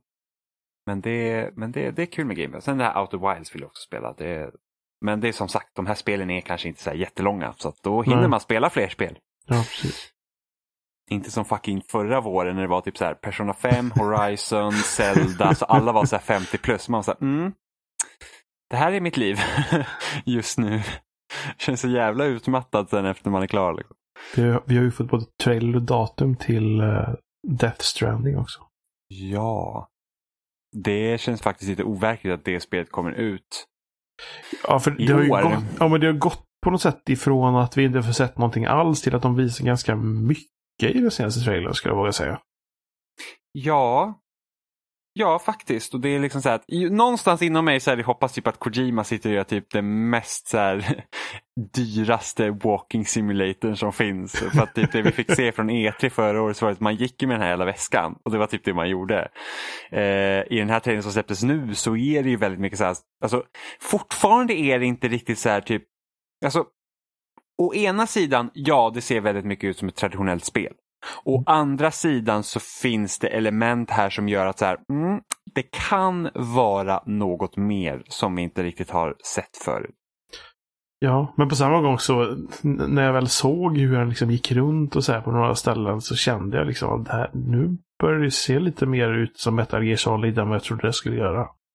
Ja, alltså man ser typ det här sättet han smyger på och Ja. det tycker jag ändå det har sett ut från början också. Att typ att Jo. animationsarbetet, det ser ju verkligen ut som Kojima Productions. Liksom. Det, det, det, är någon sorts galen del i trailern där det nästan ser ut som att man är tillbaka till det första världskriget. Mm. Eh, Ja. hur, hur, hur han skjuter och så där liksom, tänkte jag också mycket på. Ja, typ Metal Gear Solid eh, 5. Ja, sen är Mm. frågan hur stor del av spelet kommer vara för att det verkar ju vara Ja. som att Det kanske bara massa olika små olika delar. Så det kanske inte är mycket alls. Ja, för Mm. att så som det står typ på spelets hemsida är liksom så att typ att Alltså att, att döda fiender är inte svaret och varje död har en konsekvens. Eh, varje gång, alltså det finns heller inget liksom fail state i spelet. Varje gång du dör så händer liksom någonting och varje gång du dör verkar också ha en konsekvens. Och det verkar liksom vara det här fortsatta arbetet. För det roligaste med Kojima är att han alltid testar liksom gränserna för spelmediet. Liksom. Ja. Så man tänker redan till första Metal Gear Solid typ, och speciellt typ remaken i, eh, till GameCube och jag tror även det var någon typ sån grej Playstation-versionen. Det här med typ att när du möter Psycho Mantis så bara, ah, du Ja. måste byta port på kontrollen. Ja. För att annars kan han läsa dina grejer. och så säger han åt dig att om man hade liksom en kontroll med vibration i, i Playstation 1, så sa han åt den att ställa, lägga kontrollen på marken. Ja, för att Och så då bara flyttar liksom- på den. Liksom. Åh, jag kan flytta på den. Och om man hade spelat Castlevania, vad heter det Castlevania till Playstation 1? Ja, eh, ja, någonting. Castlevania Ja. X kanske eller någonting sånt. Nej, det, ja, men, nej, men det är ju det eh, stora liksom eh, Castle... Eh, Metroidvania-spelet. sym- ja, ja, ja, ja, Symphony of the Night. Ja, precis. Gud, Och- jag tänkte på och typ an- Castlevania och så- 64 tror jag. Och så andra typ eh, Konami-spel så säger han typ hur mycket erfarenhet man har. Så hur många gånger man spelar. Hur många gånger man har sparat spelet också. Så säger han olika saker tror jag.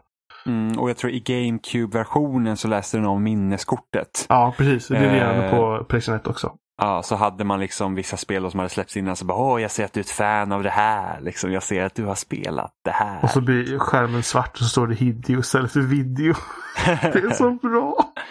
Ja, eh, så, att, så att det verkar ju vara just den här liksom att man kopplar ihop, eh, liksom att spelet verkar handla om liksom, i, liksom connections då så att säga och det handlar ju om att koppla ihop världen igen och sen så ska det ju finnas någon form av multiplayer-aspekt.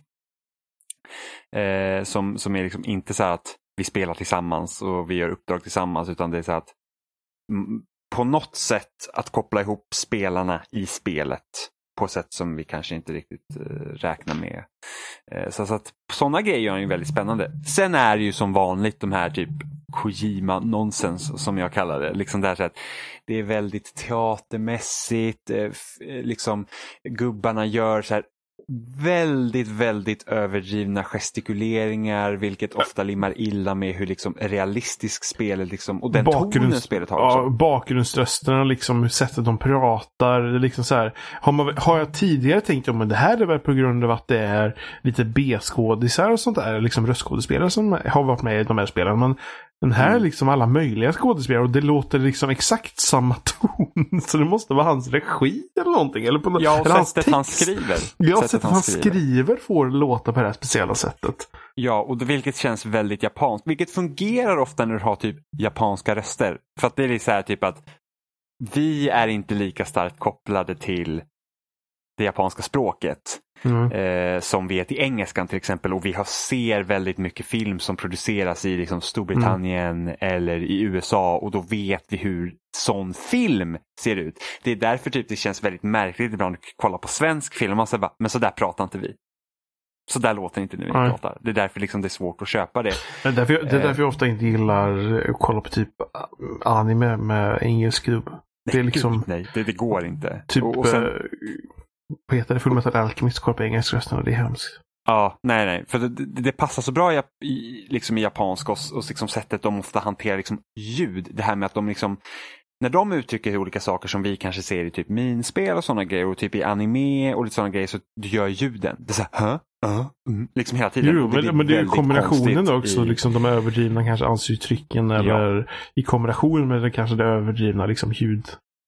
Och, det, och det blir väldigt lustigt när man dubbar de grejerna. Ja, det är jättekonstigt. Eh, så där, så det, och det är, om man tar ett annat spel som typ Sekiro till exempel, vilket jag när jag spelade det liksom nu så hade jag också japanska röster på men, men liksom sättet typ Miyazaki skriver sina spel är då att det känns väldigt, alltså det finns en typ en poetisk touch i dem, det tycker jag. Eh, det är väldigt så här minimalistiskt eh, i sättet han skriver, alltså han säger gärna mindre än mer vilket ofta är ganska vanligt för så här, typ anime och sånt, att man säger gärna väldigt, väldigt I mycket. Miyazakis och det- filmer menar du? Nej, alltså nej, Eller Miyazaki som gör eh, Souls. heter han Miyazaki också? Ja, Hid Hidetaka Miyazaki. Jag tror han heter Miyazaki. Och jag kanske säger fel nu, men. Jag bara, liksom, jag, jag, bara va? jag har helt för mig att han säger Miyazaki. Men, men om man nu pratar om Miyazaki som gör de här fantastiska animefilmerna så är de väldigt, väldigt bra. Men just man tänker Miyazaki som gör Dark Souls-spel, alltså för From Software så känns de, alltså speciellt Sekiro var ju väldigt så minimalistiskt. Även Mm. om de, den dialogen som pratas där är också mer än och väldigt mer direkt än vad den har varit till exempel i Dark Souls eller Bloodborne. Men samtidigt har också så här Sekiro väldigt så här anime moments men det har mycket mer att göra med spelet i sig än hur storyn framförs. Som typ, det finns en stor ap apa som är boss i Sekiro. Och mitt, min lösning att klara den bossen var ju bara att spring, liksom hålla in springknappen och springa runt i cirklar tills man hittar sin öppning och kunde typ stå två, tre slag. Och då känns det som att så här, benen pinnar på som satan. Liksom. Och det är en så här väldigt så här, anime moment i det spelet. Men det har ju mer att göra med gameplayet än att göra, med, att göra med spelet skrivet. Medan typ i om man tittar på Kojimas spels gameplay så är det väldigt väldigt mycket mer oftast förankrat i liksom vad vi kanske klassar som en västerländsk shooter eller någonting sånt. Medan hur spelet är skrivet känns väldigt mycket mer spel som vi tänker på från Japan. Vilket jag vet att många, många tyckte ju om, alltså röstskådespelaren till Snake som byttes ut var ju många väldigt upprörda över. Men alltså jag tyckte liksom att Kiefer Sutherlands liksom prestation av Snake kändes mycket mer i ton med hur spelet Oh, ja. borde vara. Det var, det var inte den saken som hade liksom... eh, Det var inte en negativ as- aspekt med det spelet tycker jag. Det var andra problem som det spelet hade.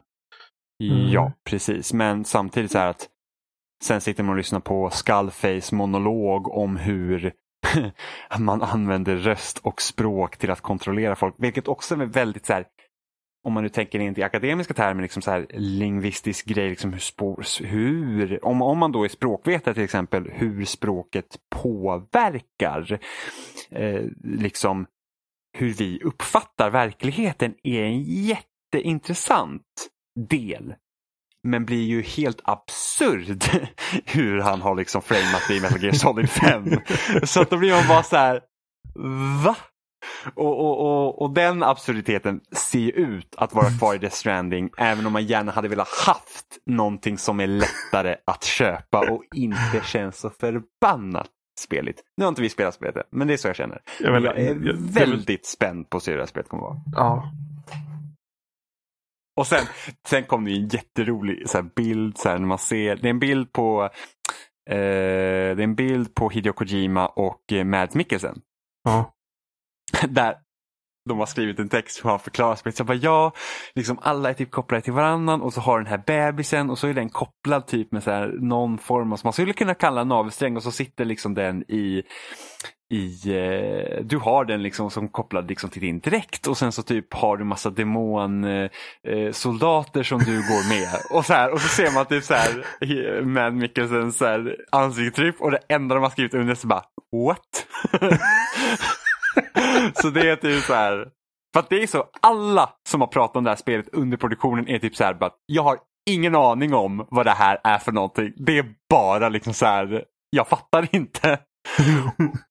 Och då kan man se så här, om man då tittar typ på hur, när, när de här människorna som är knutna, alltså det, det, det här är ju inte några lågt profilerade människor som är Det, med i det här det, spelet. det är galet vad han har samlat på sig. Den lägst stående i den här ensemblen är Troy Baker. Liksom man nu tänker typ liksom genomslagskraften i, i, om man kollar utanför spelindustrin så är det Troy Baker och då är Troy Baker otroligt talangfull. Ja. Eh, men liksom så här, Matt Mikkelsen och sen hon som spelar då vad vi vet nu, så här, USAs president är ju också så ett stort namn. Eh, hon, eh, Ja, Hon spelar typ såhär Bionic Woman eller någonting sånt här i en tv-serie. ja, och sen så typ hon den här som då spelar den här tjejen som heter Fragile, liksom är ju också eh, liksom ett ganska hett namn. Hon har typ, jag undrar om inte hon typ varit med i så Oscarsnominerade filmer och grejer. Men liksom, undrar om de så här, alltså när de tar sig an de här projekten, är det så här att okej, jag har inte testat på att göra spel och det här är ganska likt hur man eh, liksom agerar på film nu för tiden. Det är inte bara röst. Så att ja, jag kan göra det här. Eller typ att det här låter helt snurrat. Liksom, det här är helt vrickat. Jag ska nog kanske testa. Liksom. Jag tänker bara också, alltså, för Sony har varit med och finansierat det här spelet. Ja, Och de måste ju pumpat in, spel, pumpat in pengar i detta som fasen. ja, oh ja. Liksom så här, låt oss testa och se vad Kojima gör när han inte liksom blir styrd av Konami. Ja, det, är det är väl tur också att de har deras spelstudio, de här Gula Games är det väl som har gjort spelmotorn tror jag. Det är väl den de Ja, hade ja där. precis. Det är Decima Engine ja, som, Ja. Från, som var samma för Så Horizon. de har, liksom, de har liksom tur att de har en spelstudio som redan utvecklar en motor som någon annan kan liksom hoppa in och göra någonting i. Så att de slipper att ha det problemet som Konami hade, att de, han skapar en megadyr spelmotor. Mm. Men sen var också tanken att Fox Engine skulle kunna användas i framtida spel. Jo, För det är väl, den används i, eh, i deras fotbollsspel tror jag. Ja, och de använder också i Metal Gear Survive. Ja, jo. Ja, det, det finns på Game Pass. jag tänker inte ladda ner det kan jag säga. Mm, nej, jag känner Åh, också det här Gud. måttligt. Alltså bara för att det finns på Game Pass så behöver man inte spela det. Jag tycker också det är fascinerande, liksom, det, det vet jag sagt tidigare när vi fått se liksom, bilder och sånt på Death Stranding, hur spelet ser otroligt likt ut eh, Metal Gear Solid 5 i vissa, i hur eh, karaktärer ser ut i ansiktet, i hur eh, föremål ser ut, eh, färgtema och allt möjligt liksom. Hur de rör sig. Ja, allting Liksom- är väldigt likt och det är en helt annan spelmotor. Och då tänker jag, liksom, så jag tänkte liksom det att det är ju hans regi som måste liksom ta allting till. Eller har han, men- eller har han men- massa folk från Konami Ja. som gör är på det här i, också? princip, mm, I princip alla viktiga människor, alltså de viktigaste människorna från Kojima Productions under Konami jobbar numera med Kojima Productions Ja, som är Kojimas nya det studio. här har man ju förmodligen en orsak också. Så att det är förmodligen så här viktiga animatörer och sådana Ja. som sitter och gör det. Det här. måste, Ja. ja, för jag tänkte liksom, det kan ju inte bara vara hans liksom Nej, utan då är det liksom, det, det är så här, alltså det är folk som han har säkert jobbat med i flera, flera, flera, flera år. Som sitter och gör det här.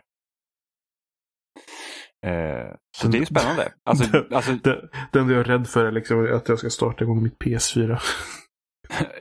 Åh Ja. gud. jag har ju faktiskt en Pro. Jag så- att- jag kände att man kanske ska vänta med det här tills PS5 kommer. Alltså. Om du orkar. Det är, alltså, Ja, så, PS5. sällan, så, så lite som jag spelar spel så kanske jo, det är värt det. men ändå. Ja, det, här är ja. alltså, det här är ändå Kojimas första, alltså, det här är liksom Kojimas ny, första nya IP på flera, flera år. Han har ju bara suttit typ och gjort Metal Gear. Så att eh, det ska bli väldigt spännande att se vad han gör. Sen så kan det ju hända att liksom att okej, det här är Kojima unchecked så att säga och det blir jättekonstigt. Men det var ju typ samma sak med David Lynch när han gjorde nya säsongen av Twin Peaks. Det var också så här, David Lynch unchecked. Och ibland så satt man verkligen bara så här, vad i Ja, helvete? Alltså nu har, jag, nu har jag liksom typ sett och tittat här, en timme tv där Cooper har färdats genom jag vet inte hur många dimensioner och jag fattar ingenting. Men det är också lite så här, lite pretentiöst. Man gör lite vad det är och sen så hoppas man att det blir bra. Jag hoppas ju att Death Stranding blir otroligt spännande. Och liksom att det är så här att, oh vad kul det är liksom att spela det här och att det inte bara känns som typ att, ja, det här, spel, det här är liksom samma spel i en annan skruv, typ. Det är väl lite det jag känner. Såg du trailern förresten till årets Call of Duty? Nej, jag har bara sett korta klipp på Twitter tror jag. Och Mm. de har pushat väldigt mycket. Det är en massa folk retweetat om honom också. För att det är ju en, det är en reboot av Modern Warfare liksom. Och typ det låter som att Ghost kommer vara med som har varit med i de tidigare spelen och även Price kommer ju vara med. Men det, är- det är väl ett steg tillbaka till... Alltså jag antar att det här har ingenting, an, ingenting att göra med de tidigare Modern Warfare-spelen förutom att det är Den typen. Förut, för, förutom att man har liksom några karaktärer som har varit med i tidigare spel. Men liksom det är en omstart. Alltså den Price vi ser i Modern Warfare nu har ju inte varit med om de sakerna som hände i Modern Warfare 1 till 3. Det är vad jag antar. Men det ska bli intressant att se vad de gör med serien samtidigt som jag undrar över hur man kommer känna för hur de porträtterar krig. För att den person jag är idag är inte den person jag var då. Och, det är, och man kan problematisera det som man ser på skärmen på ett helt annat sätt än, än, än vad jag kunde göra då. Och vad jag har läst av de som har spelat några, några banor från det här nya Modern Warfare är det att ja, till viss del så visar de upp hur hemskt krig kan vara, och speciellt en, en modern krigsföring som finns idag. Å andra sidan så är det liksom en, en stor power fantasy. Och de två grejerna kanske inte riktigt limmar så bra med varandra längre. Men det ska bli intressant att se. För första Modern Warfare var ju på några sätt en murbräcka för hur man gör typ AAA-spel i en shootermiljö och den liksom, och, liksom och jag tror lite var det som Call of Duty fastnade i under den tidsperioden var ju det här att åh, titta vad vi kan göra med spel. Det här är inte bara typ ett, liksom så här, man liksom skjuter några små monster och demoner och sådana grejer, utan titta vad vi kan göra. Det var ju typ, det blev ju lite av ett sånt statement och sen så blev ju de framtida delarna nästan som en parodi på sig själv för att det liksom blev bara typ så, ah, gud, titta vad vi vågar göra. Som No Russian-nivån i Modern Warfare 2 eller Mm. typ när man sprängde eh, den här typ bilen på Londons gata. Av ingen, för att om man tittar på No Russian-nivån där och, och jag kommer ihåg den diskussionen som kom av det då, liksom var så att ah, vi dödar civila, vilket du inte behövde göra. Så det blev mer av ett statement, titta vad vi vågar göra i spel snarare än att titta vad, titta vad vi faktiskt försöker säga. Och det är en väldigt stor skillnad. Så jag hoppas ju att man istället skulle liksom våga säga någonting om liksom den värld vi lever i snarare än att man liksom så här typ att haha, vi är lite edgy. Eh, eller att det bara liksom är så att oh, vi, är ett, vi är Call of Duty och det här är liksom eh, ett spel som, är utveck- eller liksom ges ut av Activision och vi kan egentligen inte säga mycket av någonting. Vilket typ Ubisoft gör hela tiden. I det här med att nej, våra spel ska inte göra några statement och sen så har man typ massa så spel från, som man sätter Tom Clancy på framsidan Mm. som är någon som faktiskt har skrivit böcker som faktiskt handlar om någonting och säger Ja. saker om någonting och är väldigt politiskt laddade. Ja. Vilket också typ spel som The Division är. Men Alltså, det tonas ner. Jo men det är men ändå inte. Och sen så jag vet att det var någon på Twitter som hade så himla bra, och det här är en grej som jag retweetade för flera månader sedan, det här så att bara det att lösningen på problemen som presenteras i spel är våld är i sig självt ett politiskt statement. Det, och speciellt då tar man till Division, här har vi alltså undercover agenter som är tränade i att kunna ta tillbaka regeringens makt ifall någonting skulle gå åt skogen. Det i sig självt är ett politiskt statement. Så gör man ingenting med det ändå. För att man är lite rädd. Jävlar, nu smällde det här. Oskar?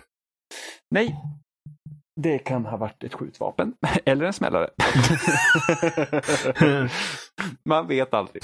Vi har faktiskt ja. två tillfällen som spränggruppen får komma till vargen för att de har hittat eh, smällare i storleken av typ en kolaburk. Typ. Fan. Jag vet att Alfred som har varit med i podden tidigare och som du och jag känner sedan länge.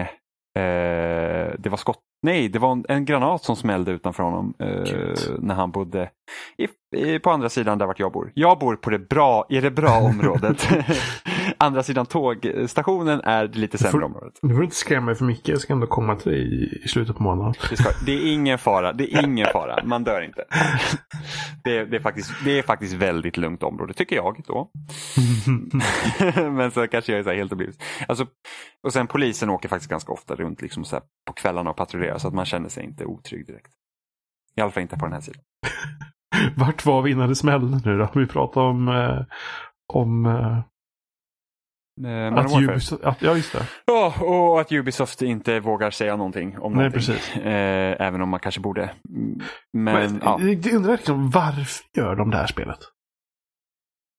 Är det att de liksom har tröttnat på framtidsgrejer nu då? Alltså, men alltså om man tittar nu, det här, för det här är Infinity Wards tur i år. Då. Ja. Så de har gjort Modern Warfare 1 och 3 och, och, tre, och trean blir liksom ett det blev ju ett resultat av de oroligheterna som skedde på Syrien när typ Win Sampella och eh, den här andra människan som jag inte kommer ihåg eh, vad han heter eh, hoppade av. Eller det, det, de blev typ bortförda från sitt eget kontor om någon jävla vad det smäller. Det där är raketer. Okej. Okay. Eh, ja, men alltså de blir liksom, de blir bortförda från What? liksom området. Alltså det var ju en hel grej. Det var ju, här var ju kort efter Modern Warfare 2 och sen blir den här stämningen med att ehm, eh, med att de inte hade fått tillräckligt mycket pengar, de har inte blivit liksom fått utbetalt det de hade lovat och grejen. Sånt var det. Och sen blev de bortförda, de blev liksom i princip avskedade från företaget. Mm. Eh, och Modern Warfare 3 var ju liksom så här. Men fanns det orsaker? Jag kommer exakt inte ihåg vad som hände men det, no, För det, det låter ju absurt. ja, det löste sig sen på något sätt bakom kulisserna eller någonting sånt. Jag kommer inte ihåg exakt, det, det är några år sedan nu. Men uh, det var ja. stora grejen. Och det var ju då de gick över och eh, grundade Respawn. Som ja, har utvecklat Titanfall och Titanfall 2 och nu har EA köpt Respawn, nu har de Apex och sen så har de det här Star Wars Jedi Fallen Order som ska komma ja, i eh, höst. Som jag ser fram emot. Och det kommer i år alltså? Det, det ska komma i år. Trevligt.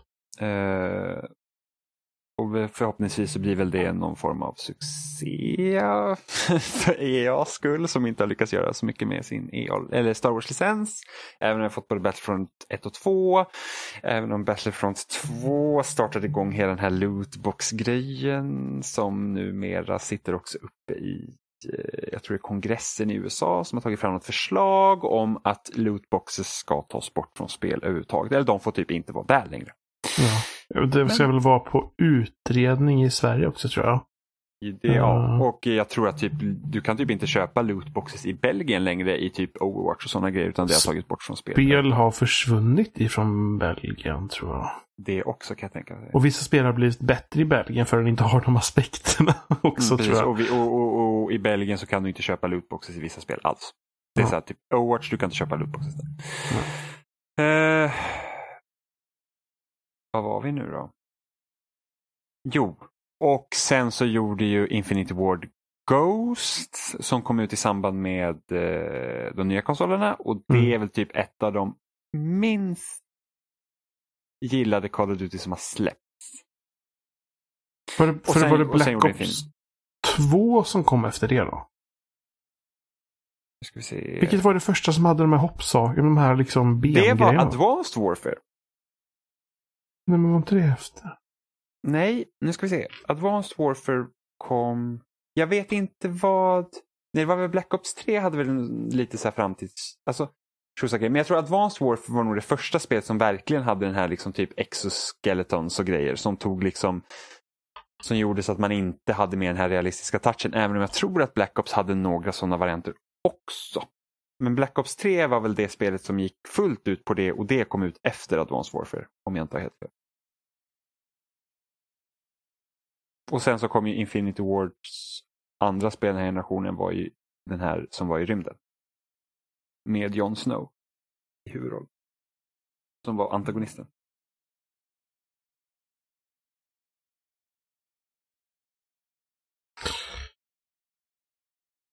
Men sen även om typ Call of Duty typ det bästsäljande spelet varje år så är det inte alls på samma sätt som det var förut. Och jag kan väl tänka mig att det är att Modern Warfare var ju typ peak Call of Duty också. Så.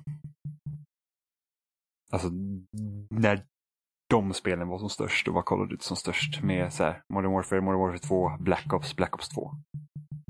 Mm. Så- Ja, nej, jag vet inte. Call of Duty är väl ingenting jag är intresserad av överhuvudtaget, ärligt talat. Okej, jag ser faktiskt fram emot att se vad det här Modern Warfare kommer vara för någonting. Ja, nej, jag vet inte. Nej, men jag... Alltså, jag, jag, jag, jag, tycker det är lite kul på något sätt att det känns som att de...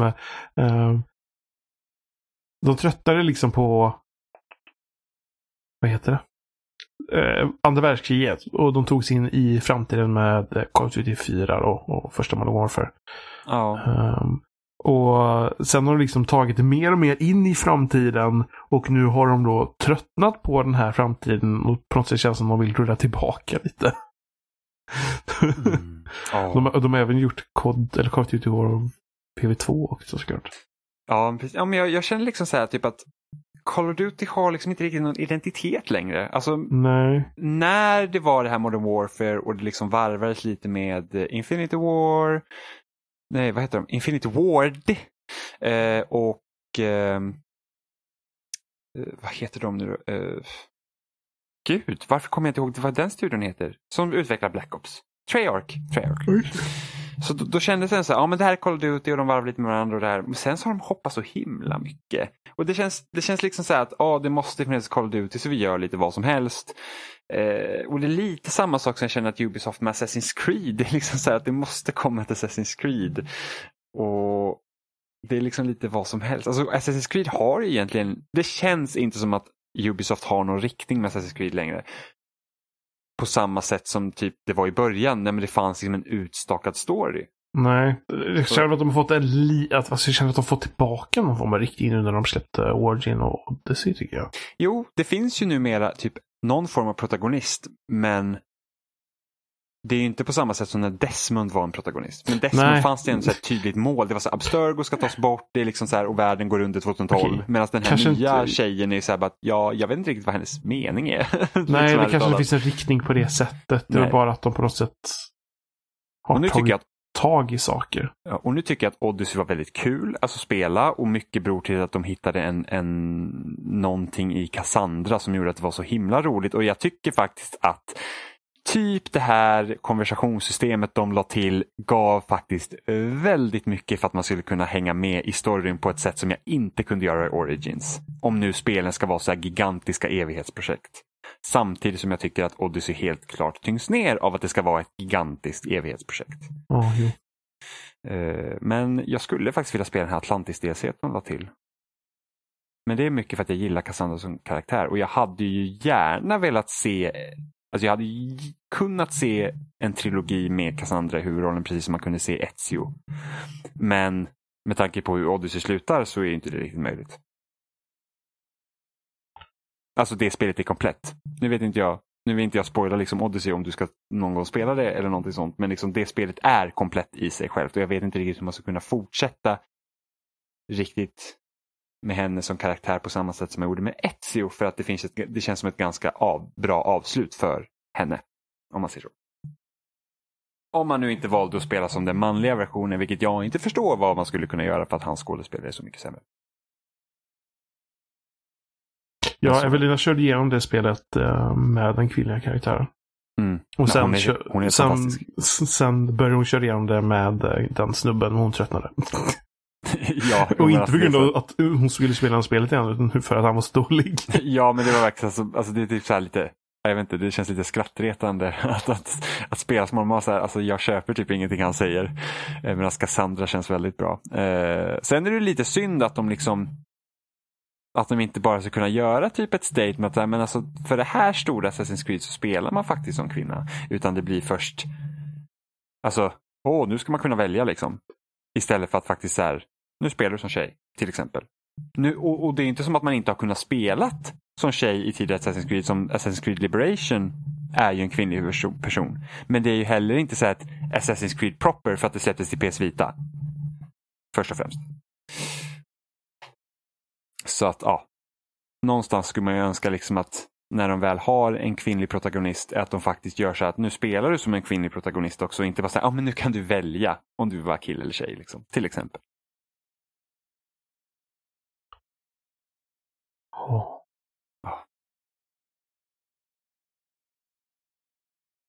Det blev en hel del pratande Ja, ändå. vi hade tänkt att ta lite inför E3, men jag tror det får bli pang på ett E3-avsnitt istället. För att Ja, nu Ja, har vi jag- kört ett helt avsnitt känner jag. ja verkligen. Alltså, jag kan väl säga som så att jag ser väldigt mycket fram emot E3 även om det känns lite nedtonat mot vad det brukar vara. Ja. Mm, Sony är inte där, EA ska inte ha någon konferens. Även om nu EAs konferenser kanske inte är de roligaste att sitta och titta på. Nej, jag har väl känt att jag har sett fram emot Microsoft och Microsoft ska vara där. Så jag är nöjd. Ja, och jag hoppas ju, alltså någonting jag hoppas på nu. För att så här är det. Microsoft, med tanke på att de förlorade sin värsta konkurrent, egentligen sin enda konkurrent. Jag, jag räknar inte riktigt med Nintendo, för Nintendo gör lite sin egen grej hela tiden. De förlorar sin värsta konkurrent, så de har all chans att bara köra på storslam det här E3 och jag förväntar Ja, mig verkligen att de kör storslam. Men det största frågetecknet är ju hur de tänker förhålla sig till sin nästa konsol här. Jo, vi får se. Men Och de eh, ska prata om det. jag det har de att, sagt. Jag tror att de kommer göra, de kommer ta bra beslut tror jag. Eh, För kollar på Microsoft överhuvudtaget, även utanför spel, så har de tagit otroligt mycket bra beslut det senaste. Ja. Eh, Så alltså, de har blivit ett företag som är otroligt genomtänkta med allt de utannonserar och, eh, och släpper nu. Eh, Mm. Så jag, jag tror att eh, det kommer nog bli trevligt. Men då, vad tror du här Johan?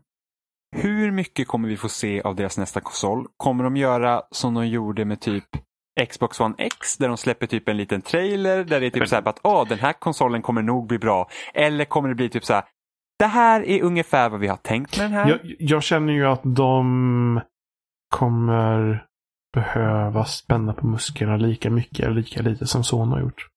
De har ju liksom pratat lite om konsolen, sagt lite specs. Liksom. Jag, känner väl inte att Microsoft behöver göra mer än det, men, eh, men att i alla fall prata om den lite. Um, tror jag väl att de borde göra. För Sony har mer saker att förlora på att utannonsera en tidig PS5. Anledningen till den här intervjun som kom med Mark Cerny, som det har spekulerats om, och det här är Mm. något jag känner är väldigt rimligt, är att man trodde att någon har fått tag i en läcka, de har kontaktat Sony och istället för att Sony ska säga nej vi tänker inte kommentera någonting så tog de tag i hela den här meddelandesnurran och var så att det här är vad den är. Istället för att det ska bli Ah. massa rykten och man vet inte riktigt vad det är. Därför kändes den kanske artikeln lite så här, vad händer nu liksom? Varför gör de det här nu? Jo, men så var det. Men jag tror att, att Microsoft behöver nog göra något liknande. Eller, liksom, eller inte något liknande, men de behöver avslöja någon sorts grund i alla fall. Och någon, eh, någon sorts ja, avsikt med framtiden på något sätt. Jo. Men Jo, de behöver inte men- göra mer än det. De behöver inte visa spel. De behöver inte visa hur boxen ser ut. Ehm, de behöver bara säga mer än att de arbetar på den. På något. Mm. Ehm, Ja, och jag men för- det, jag skulle, förväntar mig inte mer heller. men det jag skulle komma till var att säga att det finns ingen anledning för Sony att liksom pusha på PS5 när det går så bra på PS4. Nej. Microsoft har egentligen inte samma sak att förlora här för att ärligt talat, det är liksom Xbox One är den stora förloraren den här generationen. De Ja. har inte, alltså alla deras nya studier, alla nya spel som de liksom utvecklar till konsolen, det är liksom det är planerat för framtiden, det Mm. är deras nästa box. Och jag känner ju nästan så här att jag skulle inte känna att det är orimligt att de skulle göra en Nintendo och släpper nästa Xbox mm, våren 2020. Och vi vet att PS5 inte kommer komma på våren utan den kommer förmodligen släppas på hösten. Vilket jag nästan Ja. också skulle tro att Microsofts nästa konsol gör. Men det är inte helt orimligt att den skulle komma tidigare än så. Och då skulle det här kunna vara en bra mycket större avtäckning av nästa Xbox.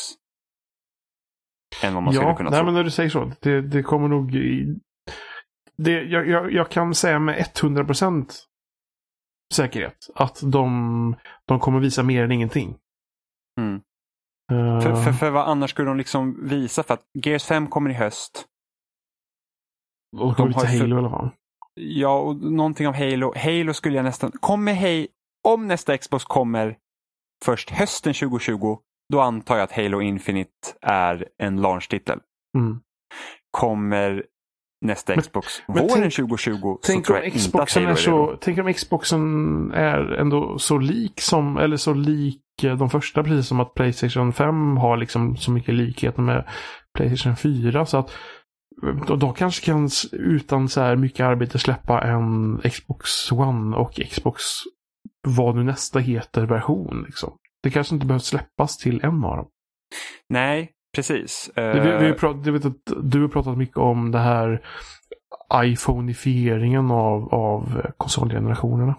Precis, ja, precis. Att det, det är någonting sånt jag skulle liksom önska att de säger att nästa Xbox heter Xbox och nu när vi går framåt så kommer det vara Xbox. Det, det är liksom vår plattform Mm. och det kommer finnas starkare eh, starkare liksom, hårdvaran kommer bli starkare och starkare hela tiden. Så att du, liksom, Ja, du och- köper in det i, i systemet snarare än att du, du uppgraderar det hela tiden. Liksom. Och Xboxen som plattform finns även till PC.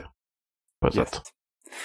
Men samtidigt, Jag tror kanske inte att de vågar gå på så jättehårt på den. Men jag, jag tror att det är liksom där som de skulle kunna ta sig. Att det slutar med att Xbox som hårdvara är någon sorts ja, eh, strömlinjeformad liksom variant istället för att ha en PC som krånglar har sig. Ja. Alternativt är att Halo Infinite, nej, det är inte till Xbox One, det är till nästa Xbox. Mm. Men, men vill du streama spelet ur Xcloud Ja, så kan du göra det till din Xbox One Ja, via vår app. så kan det också vara. Kanske? Jag vet inte. Jag bara tror att, alltså, det är så här, det, det är inte många dagar kvar så att vi, vi får snart veta vad de vill göra. Precis, det finns liksom ingen anledning till att spekulera när vi kommer snart veta egentligen. Men det är så här bara att, att de har all mark att vinna här och få allt att handla om deras nästa grej här och liksom kunna vinna över folk för att de har ingen annan som kommer bara kunna dra undan mattan på dem som Sony gjorde Nej. med PS4. Nej, Vilket det- fortfarande är the greatest moment of all time när det kommer till E3. Det är när Sony går ut på scenen och bara så här, hm, vet du vad, dina begagnade spel kommer funka. Det kommer inte vara något konstigt när ni liksom byter spel med varandra. Alltså det var liksom bara så här att, för att de har inte nämnt någonting om det och jag var verkligen så här, nej, det, det, det kommer vara samma skit. Det kommer vara exakt samma skit och det här kommer liksom allting, men ah, det var fantastiskt. Ja, Ja. Nej, Microsoft har gjort en resa. verkligen. Och det är liksom, ja, den blunden de gjorde tror jag nog i, kanske var bättre för alla. Ja, men det var hela företaget som var kaos vid den tiden. Ja, jo, som jag, så var det. Men- Som jag förstått det. Eh, och just det, en grej med Modern Warfare bara det att crossplay mellan alla plattformar. Herregud. Så att, och jag vet att det här, när, det börjar pratas om, om det här, typ att ja, men det funkar med crossplay typ med Fortnite och eh, Rocket League. Det är bara liksom att någon måste ta steget och Microsoft öppnade upp för att det ska bli crossplay. Eh, liksom han bara, men om, vi, om, om, om de som spelar på Playstation vill spela dem på Xbox så vi är helt för det. Och då kommer jag ihåg att jag sa det att när ett spel som Call of Duty gör det då kommer det bli någon form av standardisering. Mm. Och om nu, nu när det här nya Modern Warfare har crossplay då antar jag så att okej, alla som gör multiplayer-spel i framtiden har inte de crossplay mellan varandra, mellan varje plattform. Alltså, vad håller ni på med? Det, liksom, det finns ingen anledning till att inte Vi försöka göra se, det. vi får se om vi får prata om crossplay på E E3. Ja, och så får vi se så här att Destiny 3 kommer man kunna spela med oavsett vem, vilken plattform man spelar på kommer man kunna spela med varandra. Kanske, kanske inte. Jag tycker väl att eh, om i alla fall om man spelar PV, PVE så tycker jag man kunde spela det även med PS-spelare. Ja. Ja. Men att PVP kanske var eh, stopp. Ja, alltså nu tycker jag och alltså, sig för- att sp- spelar jag på Xbox och någon spelar på PS4 då tycker jag fan att vi borde kunna spela med varandra även om det är PVP. Ja, ju fast det finns. Du, Jag förstår problemet med mus och Men- tangentbord ja. på PC, vilket vi har redan märkt av i Sea of Thieves. Även om Ja. det är väldigt så här, typ ganska vänligt så märker man direkt när någon spelar på PC. För att de, eh, men då kan man ju också säga, okej, jag vill inte kunna möta någon med mus tangentbord och stänga av det på det sättet. Men det Mm. borde inte hindra mig som Xbox-spelare att kunna spela med någon på PS4. Nej. Och det, och det är liksom, och med tanke på hur stor konkurrens det handlar om spelarna, eh, speciellt multiplayer-tid, så då är det så här att okej, för, att, för, för att varje spel ska få så bra chans som möjligt så måste crossplay vara där. Ja, och med det så är vi nog klara för den här veckan på riktigt faktiskt. Ja, det, det är vi. Men du är tillbaka på riktigt nu väl? Ja, heltid. Varje vecka. Till the end of time. det är kört. ja, nej, jo, precis. fast. Jag är tillbaka. Så det blir mer av att höra av mig nu också. Ja, vi fick ju även att eh, vi fick lite kommentarer på Facebook att det var någon som ville att, eh, att Emma skulle komma tillbaka. Ja, Vad det han kallade henne? Han eh, skrev det var ju typ tusen timmar Mass Effect. just det, tusen timmar Mass Effect Emma eller någonting sånt där var det. Ja, precis. Ja, problemet med Emma var ju att eh, hon skulle gå och göra karriär av sig. Så att Så hon EA och Paradox. Jag, oss. nu är väl EA är väl, väl betydligt hårdare på den biten än vad Paradox är. Men det är ju så här intressekonflikt sådana grejer. Och sen så skulle de gå och skaffa barn också så då hade inte Robin tid heller längre. Robin, Robin, Robin. Ja, precis. Ja, Robin, Robin, Robin. Vi får inte kalla honom med det namn som vill bli kallad. Nej, precis. det, ju gjorde liksom... han. Det, det gjorde Jag Isak där på vet, Facebook. vet. Fy. Fy. Robin vem? Vem? Jag, jag vet inte den här människan han pratar om. Mm. Vem han menar. Med tusen timmar Mass Effect Emma. Verkar vilja i alla fall komma. Hon, hon skrev på Twitter också att hon ville att vi skulle ta tillbaka henne i någon form. Ja, hon är välkommen i alla fall. ja verkligen. Det, det, det är hon. Ja, ja. Jag Annars hjälper dem så- flytta hela helgen kan du tänka ja, just det. För jag bara liksom, jag tänkte, åh helg nu, nu kanske vi kan spela Sea of Thieves. Jag hörde inget, inte ett knyst. Jag bara, så såg jag på Facebook att du var där så då antog jag att det var på in och flytta. Ja, alltså det var så här. vi Åkte dit i torsdags, vi flyttade lite smått och så bara, ja men så hjälper jag till på fredagen och sen så åker jag hem så här. Jag åkte hem igår, vilket var söndag. Vi, vi flyttade i fyra dagar. Det mesta var ju klart Fy. så här på, på fredagen, vi fick ju över allting. Men sen var det så här, ja men vi ska få upp lite hyllor, så jag var med Robin så här till Bauhaus och vi skulle så här, vi skulle sätta, alltså så här, det här är, det är så fantastiskt egentligen. Det här med att liksom man har, eh, alltså att man bor två tillsammans som gillar att spela mycket. För att Robin och Mm. Emma har dubbla uppsättningar av allt. Det vill säga två Xbox, två PS4, två Switch, två TV-apparater. och, deras ny, och de har ju förut haft så två stycken TV-bänkar som ska vara bredvid varandra. Och så har de två TV. Liksom, ja, så man har två TV varandra. Det fungerar utmärkt. Nya lägenheten har ett betydligt mindre vardagsrum så de kan inte ha två TV-apparater bredvid varandra på samma sätt. Åh nej. Så hur löser man det? Jo, man, sätter, man installerar tv-apparaterna på väggen så att man kan liksom ändra på dem och dra ihop dem så att eh, när man inte använder dem så, så är de liksom inte bredvid varandra utan de, tanken var att de skulle kunna rotera så att de var i ett porträttläge och stod bredvid varandra och det hade funkat. Ah, Eh, problemet var att ibland så finns det sidor som utför falsk marknadsföring så de tv-fästena Robin hade köpt gick inte att rotera som det, som det egentligen var tänkt. Men Jaha. de hade köpt dem för så länge sedan så att det går inte att skicka tillbaka dem heller. Men vi lyckades göra sånt så att nu står de som en, liksom en det blir som en triangel istället. Så att de, de står ju fortfarande utåt men det går ändå att flytta dem så att de inte är helt i vägen för dörren. Liksom. men, men går ha framme båda samtidigt då? När, när det väl ska spelas. Men då får Ah, man liksom okej. ducka när man ska gå ut ur vardagsrummet. Ah, Men så det, så det satte vi upp och det är så här, jag har en teoretisk bakgrund i hur man sätter upp saker i hemmet eftersom jag jobbar i en järnhandel. Jag har inte den praktiska erfarenheten av det eftersom jag inte har gjort mycket själv. Eh, så det var så här att, ja, så det fick vi lösa. gick Mm. väldigt bra faktiskt. Så att eh, det Ja, flytt, flytta, det är ett äventyr. Ja, och sen jag tycker det är skitkul att göra sådana här grejer liksom, när inte, jag inte behöver vara orolig när det blir fel det i så fall. Robin är jättenervös. Jag bara, han bara, "Ja, alltså jag är jättenervös. Jag bara, varför det? Han bara, men jag vill inte det ska bli fel. Jag var så här, nej, jag behöver inte tänka på det lika mycket. Eh, men jag tänkte nästa helg ska vi säkert åka upp. Så tror jag jag ska hjälpa dem att sätta upp lite hyllor och sånt. Också om inte han gör det själv under veckan. Men eh, ja, så att eh, det tog fyra dagar att flytta. jag var så jävla trött igår när jag kom hem. Ja, jag kan tänka mig. Jag, sa ja, men jag ska nog gå till gymmet tänkte jag. Jag brukar gå ganska sent. Så jag, jag satt så här, jag bara ifall jag somnar nu så sätter jag klockan på liksom så här, jag snosar i 30 minuter. Jag vaknade halv fyra i morse och var så här, var är jag? jag var helt slut. Så det gjorde jag. Ja, och Ja, men nu ska vi faktiskt sluta. vi finns som Tillbaka på... är de här långa avsnitten när jag derailar i slutet. Ja. I'm back. vi Bitches. finns som vanligt på spelsnack.com. Där hittar ni länkar till alla möjliga ställen där ni kan lyssna på oss och kommentera och ha det. Eh, vi finns i podcastappar, vi finns på YouTube, vi finns på loading som en tråd varje vecka med ett avsnitt. Eh, för varje avsnitt. Ehm, ja. Instagram har vi väl typ tappat bort lite, men det heter Spelsnackpodd där. På Twitter heter det Spelsnackpodd. Ja, Vi vi. finns, vi finns överallt ingenstans. Ni kan mejla. Eh, kontakta spelsnack.com eller förnamnet. Ja, men gör det. Alltså, mm, nu ska jag se, nästa vecka så kommer vi inte komma ut på onsdagen. Jag skulle gissa på att vi kommer ut på fredagen.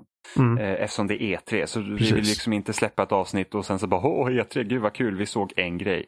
Eh, så att skriv vad ni tyckte om E3 Mm, senast, så hinner vi förmodligen...